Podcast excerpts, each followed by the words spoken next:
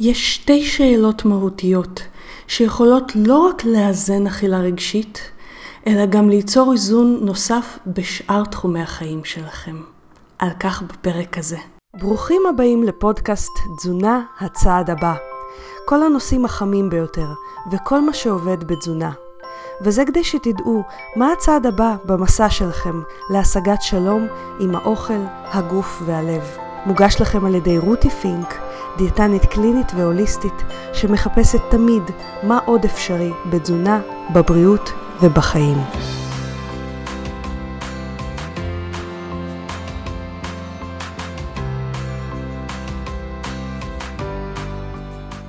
היי חברים, רותי פין כאן. למי שלא מכיר אותי עדיין, אני דיאטנית קלינית והוליסטית שעוזרת לאנשים לאזן משקל, סוכר ואכילה רגשית בעזרת כלים פסיכולוגיים מעמיקים, תזונה דלת פחמות וצום לסירוגין. יש לי קליניקה אונליין עם צוות דיאטניות שהכשרתי בשיטה שלי, ובאמת רבים פונים אלינו לקליניקה כדי לעבוד על אכילה רגשית. גם בתזונה דלת פחמות, גם בצום לסירוגין, גם כשהתיאבון יורד, גם כשהחשקים יורדים, עדיין יש אכילה רגשית. אנשים שלמשל אפילו שנה, נגיד, לא, לא אה, עבדו על אכילה רגשית, ואחרי שנה הגיעו ממש ממש להפחתת אכילה רגשית, פתאום היה להם איזשהו אירוע שבו הם מרגישים שהייתה אכילה רגשית, או אנשים שמנשנשים בערב, או סתם יש מין אכילה כזאת שאנחנו לא מבינים מה, מה העניינים, מאיפה היא הגיעה. זה בדיוק משהו שאנחנו מתמחים בו בין היתר. ורבים רוצים להפסיק את האכילה הרגשית בצורה מהירה. עכשיו חשוב לי להבהיר משהו. אכילה רגשית יש לה רמות שונות, יש לה רמה שטחית יותר, יש לה רמה עמוקה יותר, וברוב המקרים האכילה הרגשית נובעת משלושת הרמות, רמה שטחית, רמת ביניים, רמה עמוקה, ולכן ברוב המקרים זה תהליך טיפול שלוקח זמן, עם כמה רמות של עבודה. אבל היום אני רוצה לתת לכם ולהתמקד איתכם על כלי חשוב להפחתת האכילה הרגשית, שהוא לקוח מתחום המיינדפולנס. מיינדפולנס בעיקרון, יש לי פרק שלם בפודקאסט על המיינדפולנס, אני אתן לכם את הלינק אליו בהערות לפודקאסט, אבל חשוב לי להבהיר שהמיינדפולנס במקור הוא מהבודהיזם, אבל כיום יש כל כך הרבה מחקרים על מיינדפולנס וכל כך הרבה שיטות פסיכולוגיות קלאסיות מכניסות את המיינדפולנס ככלי עבודה, שמה שאני הולכת לדבר איתכם עליו זה משהו שהוא ממש ממש לא איזה וודו או איזה תורה בודהיסטית בהכרח, אלא ממש ממש נטוע עמוק בפסיכולוגיה האנושית. ואני רוצה להתחיל עם הסיפור של מטופלת שהגיעה אלינו. אה, לפני כשנה, אני אה, ביקשתי את רשותה לשתף את הסיפור. בכל זאת, בשביל לשמור על הפרטיות שלה, אני אקרא לה אה, שמחה, וגם אטשטש כמה פרטים לא מהותיים לסיפור שלנו כדי למנוע כל זיהוי של המטופלת. אז שמחה הגיעה אלינו לפני כשנה. היא עשתה תהליך מאוד יפה של הורדת מוצרים מעובדים, צום לסירוגין, תזונה דלת פחמימות, ירדה יפה במשקל, פיתחה מודעות מאוד יפה לאוכל, לבחירות, פיתחה יכולת להיות בטוב עם אוכל. ואז הגיע חנוכה האחרון, והיא בן אדם לא של סופגניות, היא לא מהאנשים שאוהבים סופגניות. ובמפגש החנוכה האחרון עם המשפחה, פתאום, אחרי שנה, היא אכלה ולא יכלה להפסיק. התחלנו לדבר, מה קרה? מה היה בחנוכה שיצר את התחושה הזאת שלא הייתה לה המון זמן, שהיא לא מצליחה להפסיק לאכול, ועוד סופגניות שהיא לא כל כך אוהבת. חשוב לציין שהבעיה לא הייתה שהיא אכלה את הסופגניה, כי תכלס מותר לנו לאכול הכל, תמיד. אני תמיד אומרת, אין ברק שיורד מהשמיים ונותן לנו איזה עונש אם אנחנו אכלנו משהו שהוא לכאורה לא מיטיב עבור הגוף שלנו.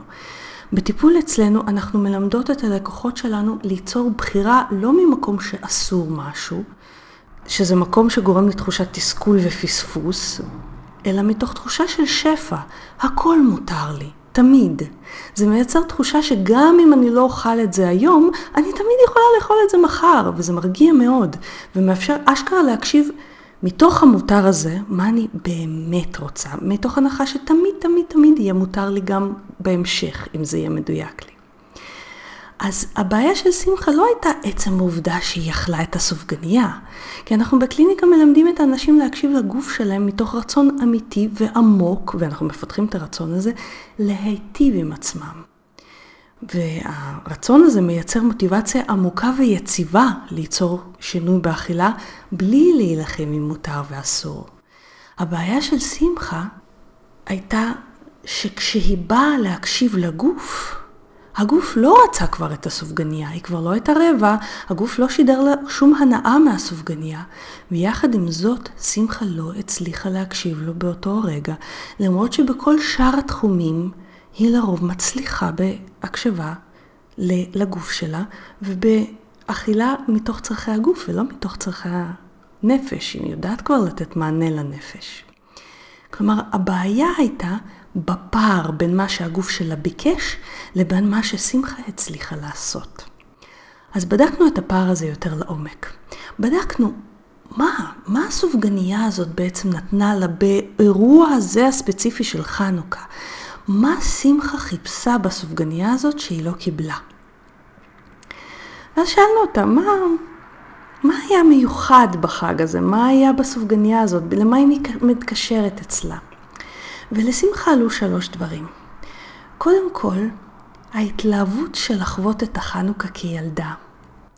הסופגניה מקושרת אצלה לאווירה של חג, אני מניחה שאצל רבים מכם גם.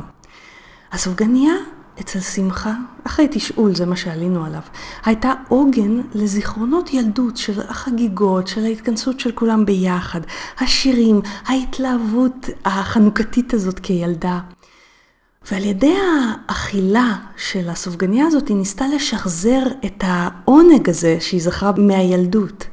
כי בתור בוגרת, הקסם של הילדות כבר לא היה, החגיגה הרגישה לה פשוט סתמית יותר. אז זה היה הדבר הראשון שהסופגניה הייתה עוגן לו, או תזכורת לו. הדבר השני היה ששמחה ציפתה לעונג והתענגות בפה, כמו שכולם מתענגים, או כמו שכולם אמורים להתענג מהסופגניות ומההוהה שעושים מהסופגניות. והיא ציפתה גם שהסופגניה תיתן לה את הזיכרון של כמה היא התענגה פעם על הסופגניות כילדה. טעם של זיכרון שלא בהכרח הגיע. שמחה רצתה לשחזר שם את תחושת האכילה עם הוואו, עם הזיכרון הזה של הילדה המתלהבת, עם הרצון להתמוגג, והיא אכלה עוד ועוד ועוד בתקווה שתחווה את הזיכרון הזה. והדבר האחרון שעלה, שוב, מהשיחה, מהתשאול, וחשוב להדגיש, גם אם אדם מאוד מאוד מודע, לא תמיד קל לו להגיע לזה לבד, למודעות מה בדיוק היה שם. אז אחרי תשאול ודיבור על זה, גילינו שלשמחה הייתה אכזבה שהדברים השתנו. שגם ההתלהבות שלה מחנוכה ירדה, וגם ההנאה מטעם הסופגניה ירדה. אז זה היו שלוש הדברים שעלו אצל שמחה. ואני תוהה אם גם אתם מכירים מצבים כאלה, שבהם קשה להפסיק לאכול כי אנחנו מצפים מהאוכל שיהיה משהו שהוא אולי כבר לא, או שיזכיר לנו חוויה שאולי כבר לא מגיעה. וזה מביא אותנו לנושא שלנו היום, השתוקקות והימנעות. להשתוקקות יש שם נוסף שנקרא היאחזות, ולהימנעות יש שם נוסף שזה דחייה, דחייה של משהו. אז לפי המיינדפולנס, מקור הסבל האנושי הוא בהשתוקקות והימנעות. יש עוד uh, סיבה אחת, אבל היא פחות uh, קריטית לנושא שלנו. זה המיינדפולנס שאב מהבודהיזם. בבודהיזם בעצם יש הפרדה בין כאב לסבל. זרמו איתי שנייה כי אתם תבינו תכף איך זה קשור לאוכל. אז לפי הבודהיזם ולפי המיינדפולנס, כאב הוא בלתי נמנע, אבל את הסבל ניתן להפחית. כשאנחנו מדברים על כאב, אנחנו מדברים על דברים שהם בלתי נמנעים, כי למשל חוסר נעימות בכל צורותיו הוא בלתי נמנע. אם אני אתקע במשהו, יכאב לי, נכון? זה בלתי נמנע. אני יכולה להימנע מהיתקעות, אבל אם נתקעתי בטעות, אה, את הכאב אני לא יכולה להוריד, את התחושה הפיזית הזאת. אבל את הסבל שמלווה את הכאב, אני יכולה להפחית. מה זה למשל הסבל שמלווה את הכאב? זה כל הפרשנויות וההדהודים המחשבתיים והרגשיים שהכאב הזה מייצר. למשל, אם נתקעתי במשהו, בטעות, נגיד עם הרגל, כואב לי. אבל אם אני מתחילה לספר על זה בפנים, או נוצר לי מין שיח פנימי כזה של יואו, איזה באסה שנתקעתי, אוף, עכשיו יכאב לי מלא זמן, או יואו, זה כזה מעצבן, זה יוצר סבל. את הסבל הזה אפשר להפחית או אפילו למנוע, כשהכאב הוא בלתי נמנע. עכשיו, לכאב יש הרבה פנים, הוא לא רק פיזי, נכון? כאב יכול להיות רגש לא נעים. עצב הוא סוג של כאב. כעס הוא סוג של כאב. המחשבה למשל, אני שמנה, היא סוג של כאב, נכון? אבל את הסיפורים שאנחנו בעצם יוצרים או נוצרים בתוכנו בעקבות מחשבות ורגשות שמגיעים, אנחנו יכולים להפחית. אני תכף ארחיב על זה עוד, ואני תכף אסביר לכם איך זה קשור לסיפור של שמחה. ואני רוצה לדבר איתכם באמת על ההשתוקקות וההימנעות כמקור הסבל. השתוקקות והימנעות זה שני צדדים בעצם של אותו מטבע. השתוקקות, או במילים הנוספות שלה זה היאחזות, זה המצב שבו אנחנו משתוקקים שהמציאות תהיה שונה, או שאנחנו נאחזים באיך שהמציאות צריכה להיות. למשל, אם אנחנו נאחזים בעובדה שהחוויה שלנו צריכה להיות X, אבל החוויה שלנו באותו רגע היא לא X, אנחנו חווים השתוקקות או היאחזות. וזה יוצר לנו סבל, אנחנו לא מקבלים בעצם את החוויה כפי שהיא. אם אנחנו חושבים שבסיטואציות מסוימות אנחנו צריכים להרגיש דבר מסוים, או להיות עם מצב רוח מסוים, אבל במציאות אנחנו לא שם, זה לא נעים. כן, זה כאב. אבל אנחנו משתוקקים שהמציאות תשתנה, וזה סבל. את זה אפשר להפחית. השתוקקות ויאחזות יכולה להיות גם במשקל. אנחנו חושבים שהמשקל שלנו להיות, צריך להיות X, כמו שהוא היה בגיל 18, אבל המציאות הנוכחית כרגע היא שהוא לא X. ואז אנחנו מייצרים לנו כל מיני סיפורים פנימיים, שוב, לא בכוונה, שיוצרים השתוקקות והאחזות של יואו, אני נראית ממש רע, אני חייבת לחזור למשקל הקודם. המשקל כפי שהוא כיום הוא נתון. גם אם אנחנו עושים משהו בשביל לשנות אותו, כיום, כיום, כיום, הוא נתון, נכון? אנחנו לא יכולים להילחם עם המציאות כפי שהיא כרגע. והציפייה כבר היום להיות במשקל אחר, והשנאה למשקל הנוכחי שלנו יוצרת סבל. הכאב יכול להיות, אוף, אני לא מרגישה נוח עם הגוף שלי. אוקיי? זה כאב, זה מציאות. אבל הפרשנות שאנחנו נותנים לזה, כלומר ההיאחזות וההשתוקקות להיות כבר במשקל אחר, וכל עוד אני לא במשקל האחר אז אני אשנא את עצמי, זה סבל. זה ניתן להורדה, ותתפלאו שזה אפילו יכול להגביר מוטיבציה, אבל זה על, על זה לפודקאסט אחר. השתוקקות והיאחזות יכולה להיות בגיל. אני בגיל X, וואי, איך הייתי מתה להיות בגיל Y, אוקיי? ואז נוצר לי פער בין המציאות שלי לבין איפה שאני רוצה להיות. בפער הזה נוצר סבל. השתוקקות או היאחזות יכולה להיות במצב פיזי. אני רעבה. איזה באסה שאני שוב רעבה. כלומר, ההשתוקקות שלא יהיה רעב כשבפועל יש. זה לא סותר את זה שאנחנו יכולים לבדוק למה אני בעצם רעבה ולהסיק מסקנות ולמידות.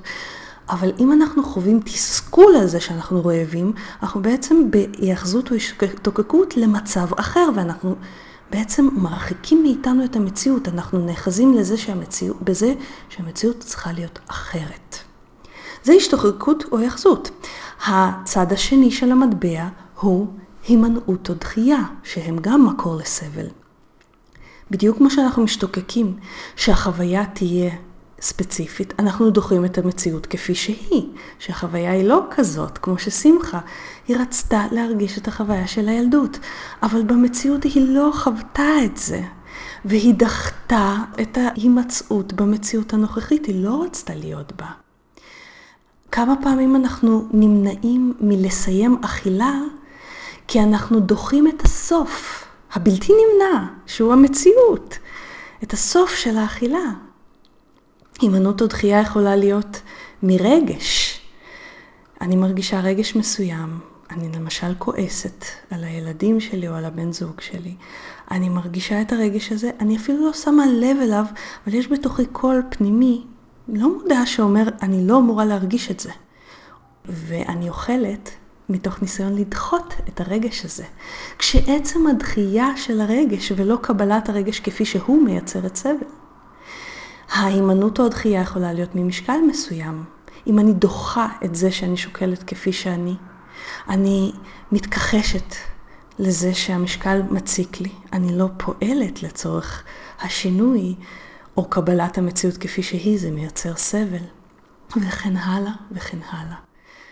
מתחת להימנעות והשתוקקות כמקור לסבל, יושב מקור לסבל עמוק יותר, שמייצר חילה רגשית. ומקור הסבל הזה הוא חוסר קבלת המציאות כפי שהיא, והמלחמה עם המציאות כפי שהיא. מה קורה כשאנחנו נלחמים עם המציאות כפי שהיא, שזה אומר, אנחנו כפי שאנחנו, חוויה שלנו כרגע היא כפי שהיא, לא כפי שהיא צריכה להיות, לא כפי שהיא ציפינו שהיא תהיה, כפי שהיא, וזהו. מה שזה מייצר זה, אנחנו מנסים להלביש עלינו בועה של מציאות, במקום להיות בכאן ועכשיו במציאות כפי שהיא. ובפער הזה נוצר המון סבל ואכילה בשביל ניסיון לפתור את הסבל הזה, להרגיע את הסבל הזה. אבל המציאות, בין אם נלביש על עצמנו את הבועה הזאת ובין אם לא, המציאות היא כפי שהיא. אם אני עצובה, זה המציאות. נכון, יש הרבה דברים שאני יכולה לעשות, אבל אם אני אכעס על עצמי שאני עצובה, זה רק ייצור סבל. זה לא מה שייצור מצב רוח טוב יותר.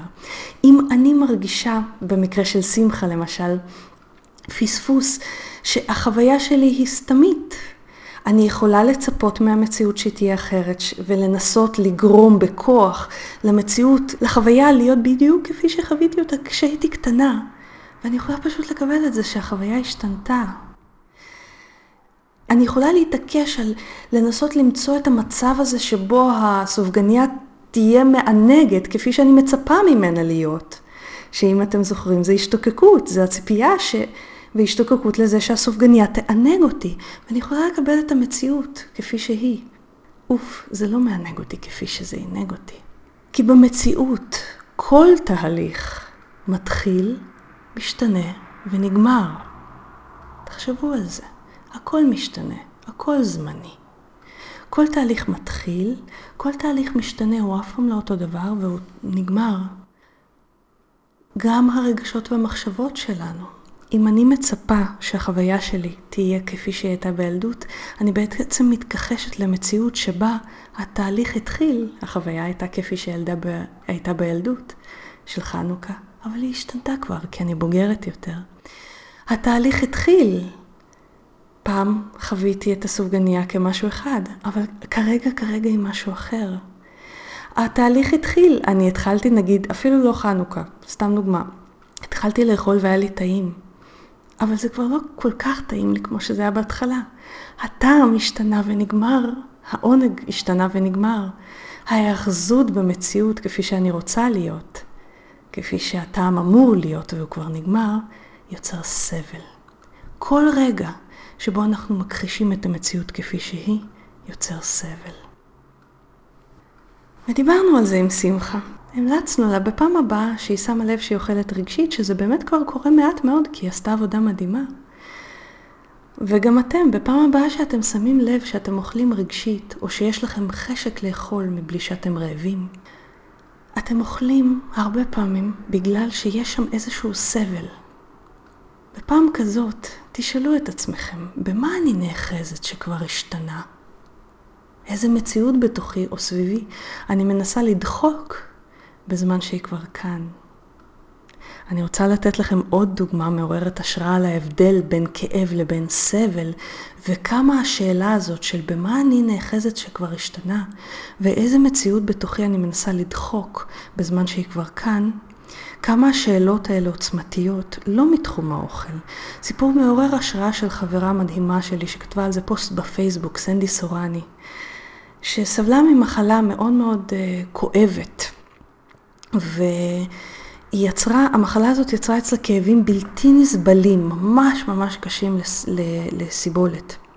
שימו לב, הכאב לפעמים הוא בלתי נמנע. כיום סנדי כבר uh, מטפלת במחלה הזאת, וכמובן, ההכרה במציאות שכואב לנו לא מונעת מאיתנו לרצות לנסות לשנות משהו. אבל הסיפור של סנדי הוא שהיא נרשמה לתחרות, תחרות ריצה. ביום של התחרות היו לה כאבים נוראיים. והיא ממש חשבה כבר לוותר, היא בכל זאת החליטה לצאת לתחרות ריצה הזאת. ובמהלך התחרות היה כאב נוראי, היא חוותה כאב מאוד מאוד חזק. תזכרו, כאב לא תמיד נמנע, אבל סבל אפשר למנוע. ולסנדי היה, קרה משהו שכשקראתי את זה בפוסט, היה, הייתה לי צמרמורת. סנדי לקחה מרחק, היא בדקה מה המציאות ומה הפרשנות שהיא עושה למציאות. מה המציאות? יש כאב, כואב לי מאוד. אבל מה היא מנסה לדחות במציאות הזאת? היא מנסה לדחות את הכאב, היא מנסה לא להרגיש אותו, או היא מתבאסת על זה שהיא מרגישה אותו. והיא הפסיקה עם הפעולה המנטלית הזאת. היא אמרה לעצמה, במילים אלה או אחרות, אני מספרת את הסיפור הזה, מה שנקרא יד שנייה, אבל היא אמרה לעצמה, זה מה יש, כואב לי. אני לא הולכת להגביר את הכאב הזה, ולהוסיף לו סבל על ידי זה שאני כל הזמן אומרת, וואי, איך כואב לי, ואני לא הולכת לדחות את זה שיש לי כאב, ולהתכחש למציאות הזאת, או לא לקבל אותה. כן, כואב לי, ממש כואב לי. ובסיום הריצה הזאת היה כאב, הכאב לא השתנה מן הסתם, אבל סנדי לא סבלה ממנו. ותחשבו כמה מהפכני זה יכול להיות באכילה רגשית. כשאנחנו אוכלים מתוך חוסר קבלה של הרגשות שלנו, אנחנו מתכחשים למציאות כפי שהיא. כי וואלה, עצוב לי? זה המציאות. אם אני אדחה אותה בעזרת אוכל, אני אוסיף סבל על סבל על כאב. כי עצוב לי, כן, זה כואב. עייף לי, כן, זה כואב. זה הכאב, זה המציאות. אני מרגישה גמורה מהיום הזה ואני מרגישה שאין לי כוחות נפש, זה המציאות. לנסות לדחוק את זה ולהתכחש לזה על ידי אכילה, זה יצירת סבל. אז בפעם הבאה שאתם שמים לב שיש אכילה לא מתוך רעב, תשאלו את עצמכם, מה במציאות שלי אני לא מקבלת, אני דוחה, או לא נוח לי לקבל ואני מנסה לאכול אותו? במה אני נאחזת כבר שהשתנה? או במה אני מצפה שהמציאות שלי תהיה בזמן שהיא לא. והשלב הבא פשוט תגידו לעצמכם, גם זה אני, ברגע שהכרתם את המציאות. גם זה חלק ממני, וזה בסדר. תכירו בכך שזה המציאות, בין אם אני ארצה בה ובין אם לא. וברגע שעולה רגש לא נעים סביבה, זכרו, רגשות גם לא נעימים, הם זמניים. וגם הרגשות האלה הם, הם המציאות שלנו, וזה בסדר. אנחנו לא חייבים לאכול את עצמנו לדעת בשביל להתכחש למציאות. ואם אתם רוצים מישהו לתרגל איתו את החשיבה הזאת, מישהו להעמיק איתו באכילה הרגשית שלכם, מישהו להרגיע איתו את החשקים שלכם, אתם מוזמנים לפנות אלינו, לקליניקה שלנו אונליין, כל הפרטים בהערות לפודקאסט. אז אני מקווה שנהניתם מהפודקאסט היום. אם אתם רוצים להיעזר בנו, אתם מוזמנים לאתר שלנו, rutifink.com. ואם תרצו לעקוב אחרינו, להיות בקשר או לשאול שאלות, בנוסף לאתר יש המון מידע בערוצים שלנו, מידע על אכילה רגשית, תזונה דלת פחמימות וצום לסירוגין. פשוט תחפשו בגוגל בעברית רותי פינק ותגיעו לפייסבוק, לאינסטגרם וליוטיוב, ואנחנו ניפגש בפרק הבא. תודה שהקשבתם לפודקאסט תזונה הצעד הבא. אני מקווה שנהניתם. חשוב להדגיש שהמידע בפודקאסט מוענק לצורכי העשרה בלבד, והפודקאסט לא מהווה בשום צורה תחליף לייעוץ או טיפול אישי. בכל בעיה רפואית או נפשית יש לפנות למטפל מוסמך, ואנחנו ניפגש בעוד שבועיים.